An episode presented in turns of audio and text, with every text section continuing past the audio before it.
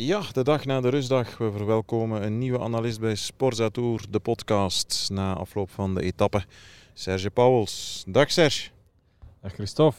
Wat zeggen mensen eigenlijk tegen jou? Serge of Serge? Ik krijg die vraag heel vaak Ah, ja, en toch? ik weet het antwoord eigenlijk zelf niet goed. Het is Wat zo zeg je zelf 50-50. graag? Eh, de meeste mensen zeggen Serge, denk ik. Zolang dat ze maar niet Kevin zeggen, hè? Ja. Dat is ook heel vaak gebeurd in mijn carrière, inderdaad. Echt, ja? Ja, Ah, toch dus eigenlijk ik wel, dacht dat ja. het een super flauwe mop was, maar eh, dat is ze ook. Goed, deze etappe, rit nummer 10 alweer in de, de Ronde van Frankrijk. De dag na de rustdag. Beschrijf dat eerst zelf nog eens vanuit je eigen ervaring. Hoe pijn dat dat meestal deed. Ehm, wel, ik had eigenlijk voor mezelf een heel goed recept gevonden om zo'n rustdag goed door te komen. En dat was wel voor mijzelf wel lastig. Hè. Ik, ik, eh, ik, ik lette heel hard op mijn voeding. Ik at echt niet te veel tijdens de dag. Ehm, ja, dat lijkt een beetje contradictorisch, maar dat is wel wat aan mij de beste benen opleverde de dag nadien.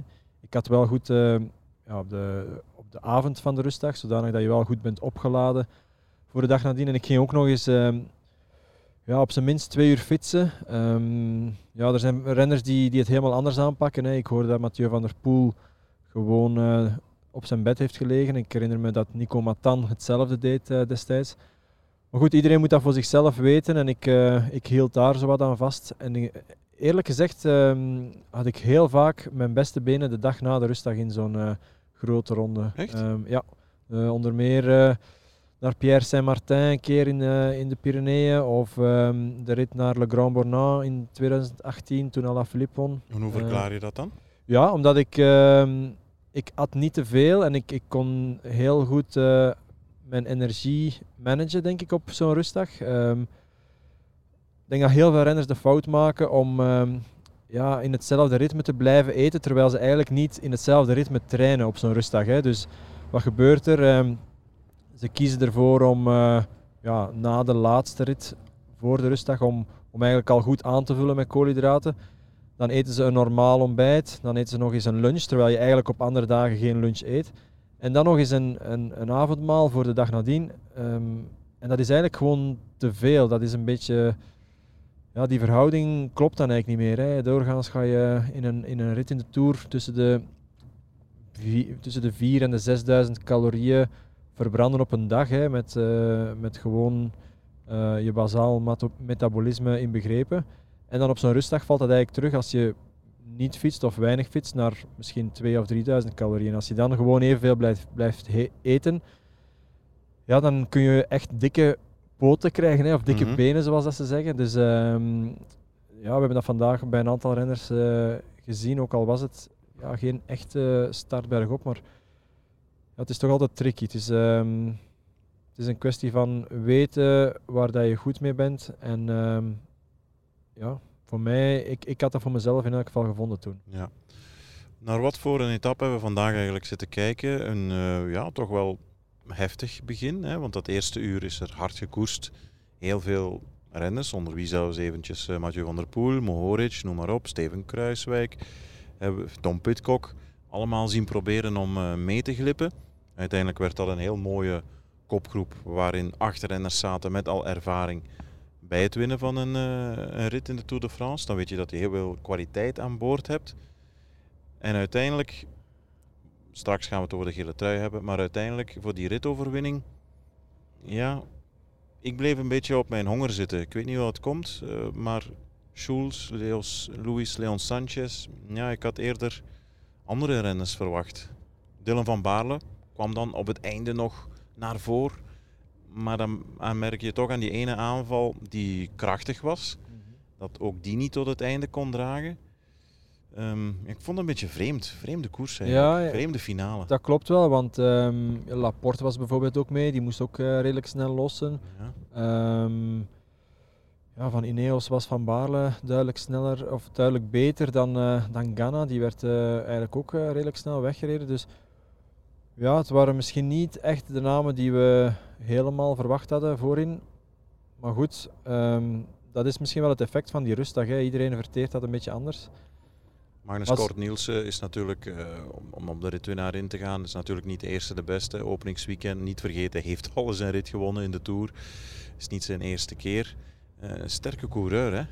Absoluut. Ehm, heeft in de Tour of Yorkshire mij voor het eerst verbaasd in 2018 toen hij een rit won op een ja, twee kilometer uh, bergop ongeveer. Uh, redelijk steile aankomst. Um, ik klopte daar Greg van Avermaat en mezelf. En toen uh, ja, wist ik wel dat dat een, een hele goede renner was. Had toen eigenlijk ook al, denk ik, drie ritten in de Vuelta een keer gewonnen. Of was het misschien hetzelfde jaar.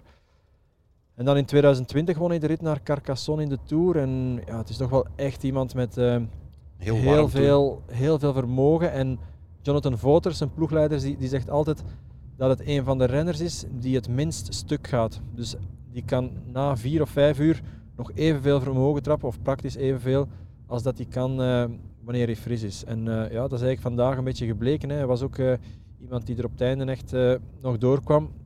Had wat geluk dat ja, Lennart Kemna vooral reed om ja, het geel te veroveren. Is niet gelukt, maar Kemna zorgde er op die manier voor dat die achtervolgers van die uiteengespatte kopgroep uh, terugkwamen tot bij dat kwartet dat op het einde was uh, weggelopen. Dus zo is het uh, kort die weer aan het langste eind heeft getrokken. Ja, inderdaad. Laten we ons hebben over de gele trui, Pogacar.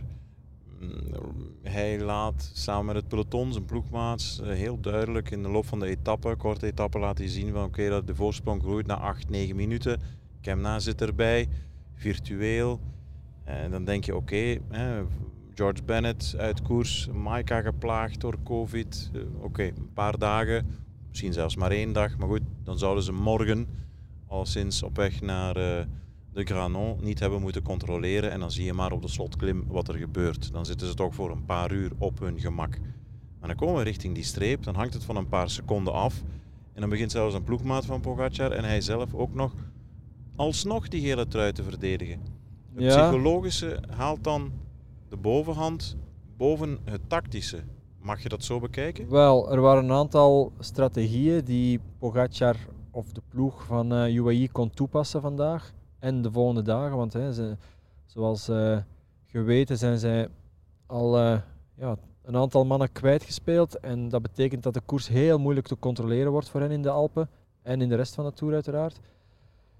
Een van die strategieën kon zijn om uh, het geel aan een, ja, laten we zeggen, minder gevaarlijke klant voor het eindklassement te laten. En in dit geval was het met Kemna eigenlijk, ja, hadden ze de, de geknipte man gevonden in de ontsnapping en ik denk dat dat ook initieel hun bedoeling was om die gele trui af te staan. Maar goed, hun time management was dan uiteindelijk niet zo goed. Ik denk dat een andere strategie was om, uh, om gewoon ja, telkens weer opnieuw uh, de puntjes op de i te zetten en bijvoorbeeld ook morgen weer toe te slaan en gewoon duidelijk te maken wie dat de beste renner was. En dat heeft Pogacar nu vandaag op het einde eigenlijk alweer gedaan. Uh, Oké, op, op dat moment maakt het niet meer veel uit uh, of hij nu meesprint of niet, hè. De, gele trui ging dan zo goed als zeker toch niet van, uh, van schouders veranderen.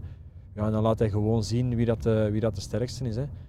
En een derde manier dat hij kan toepassen, of dat de, de ploeg kan gaan toepassen, is natuurlijk om bijvoorbeeld de gele trui aan, aan Vingegaard te laten. Hè. Al is dat een ja, rare manier, of klinkt dat heel raar.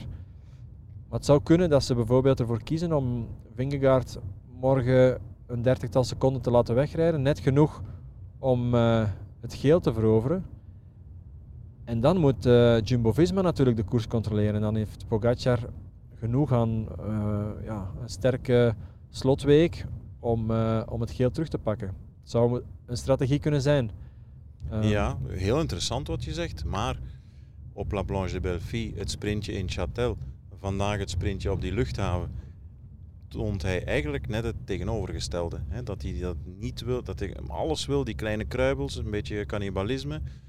Ehm, wat jij, de tactiek die jij aanhaalt, is er eentje weg van het cannibaliseren en pas toeslaan op het einde van de tour. Maar ik denk vooruit, hè. stel je voor dat ze, oké, ik denk dat het nu nog min of meer onder controle is, maar stel dat ze nog één of twee mannen verliezen door corona, ja, dan wordt het gewoon bijna onmogelijk om met, met drie of met vier renners uh, die koers te gaan controleren.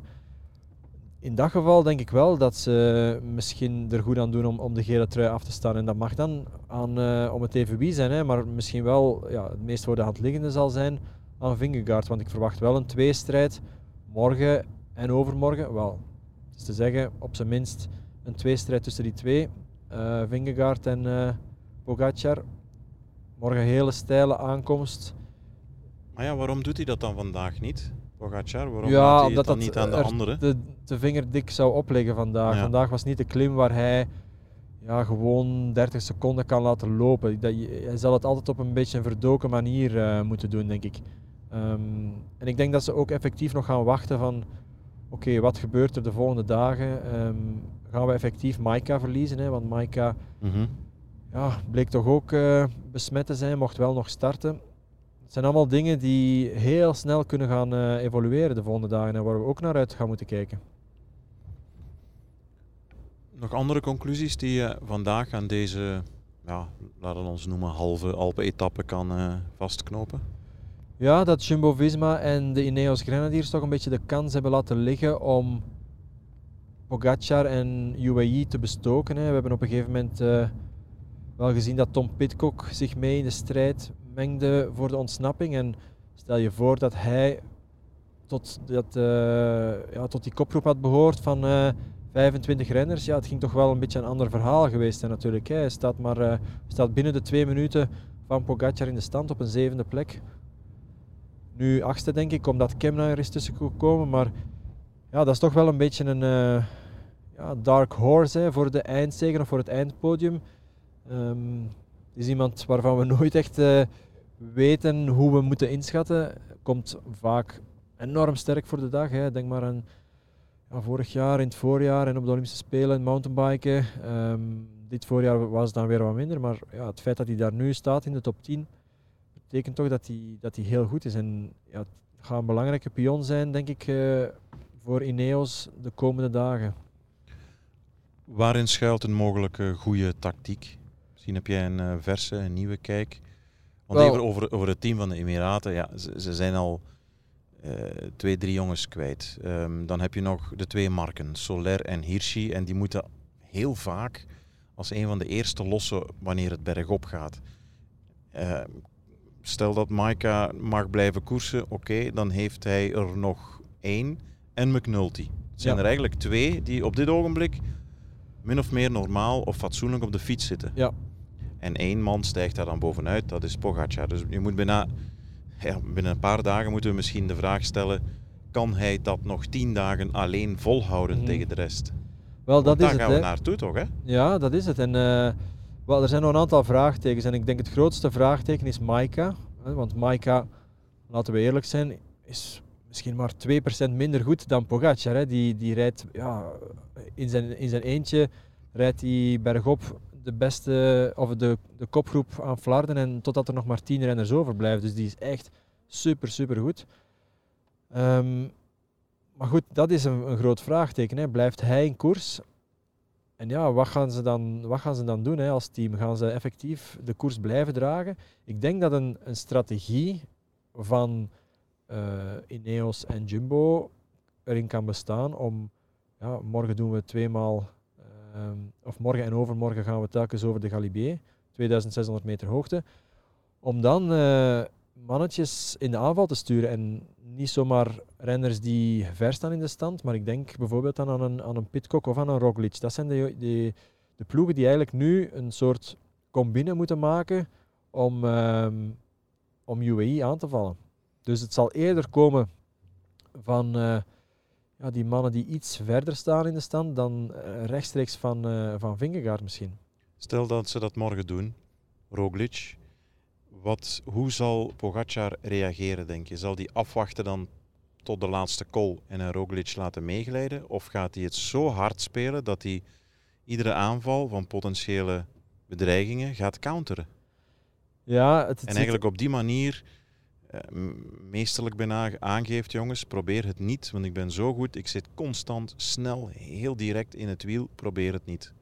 Wat zal ik zijn ben geneigd zijn? om inderdaad dat laatste te zeggen, omdat zijn temperament zodanig is dat hij ja, wil tonen wie er de beste is. Hè. Dat doet hij elke keer. Ehm, hij kan zijn benen niet stilhouden als er een slotklim in zit. Dan moet hij toch elke keer ehm, iets proberen of testen of voelen hoe dat hij is. En, en de rest eh, op achterstand fietsen.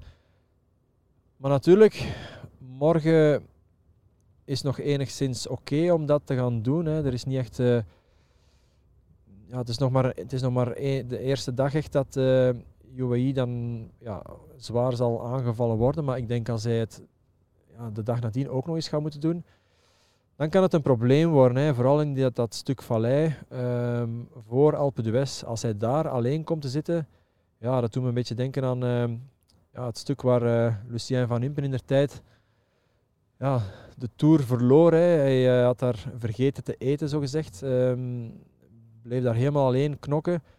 Ja, stel dat er daar ehm, voor Pogacar geen ploegmaten meer zijn na de Croix de Fer, is het, of nee, na de Galibier is het dan zeker. Ja, dan kan het echt wel een, eh, een groot probleem worden, denk ik. Heel interessant. Morgen op weg naar die eh, Col du Granon, de laatste. Bijzonder stijl, niet kort. Ehm, ja, daar gaat gekoerst worden gewoon. Hè. Heel kort tussenvraagje. Verwacht jij iets, of, of welke dreiging van een Bardet, van een Quintana? Mannen die voor hun doen, als je kijkt naar het verleden, vrij goed doorheen die eerste tien dagen zijn gekomen. Hè? Ja, klopt. Eh Bardet, die, die daar heel goed staat. Ook Godu, hè, dat is een, eh, voor mij een mannetje die, die ik morgen verwacht. Ja. Eh, lichtgewicht, dus meer in het voordeel nog dan, eh, ja, dan andere renners op zo'n eh, steile slotklim. Want ja, vergeten we niet, 11 kilometer aan 9,2% gemiddeld. Dat eh, gemiddeld is echt niet altijd veel, maar Ah, ja. als een klim wel, al Ja. 9,2% gemiddeld is, dan weet je wel dat de helft van die beklimming er in stroken bestaat van, van meer dan 10%. En dat is echt wel, ja, dat gaat echt heel, heel zwaar worden. Bovendien, ehm 11 kilometer, dus je stijgt meer dan 1000 hoogtemeters. Ja, dan moet je rekenen op een inspanning van eh, ja, om en bij de 40 minuten. Dus ehm 35 seconden of 25 seconden, wat is het verschil tussen eh, Pogacar en eh Vingegaard? Dat is eh, absoluut niet 39 veel. ongeveer, ja. Twee korte vragen tot slot, twee korte antwoorden. Wie wint morgen de etappe? Ehm, ik eh, denk Pogacar. En dus mijn tweede vraag is dan overbodig, want die luidde, staat hij nog in het geel morgenavond? Ja, Ja. dus. Dankjewel, Serge Pauwels. Ben je hier graag? Absoluut. Voilà, meer moet dat niet zijn. Tot morgen. Tot morgen.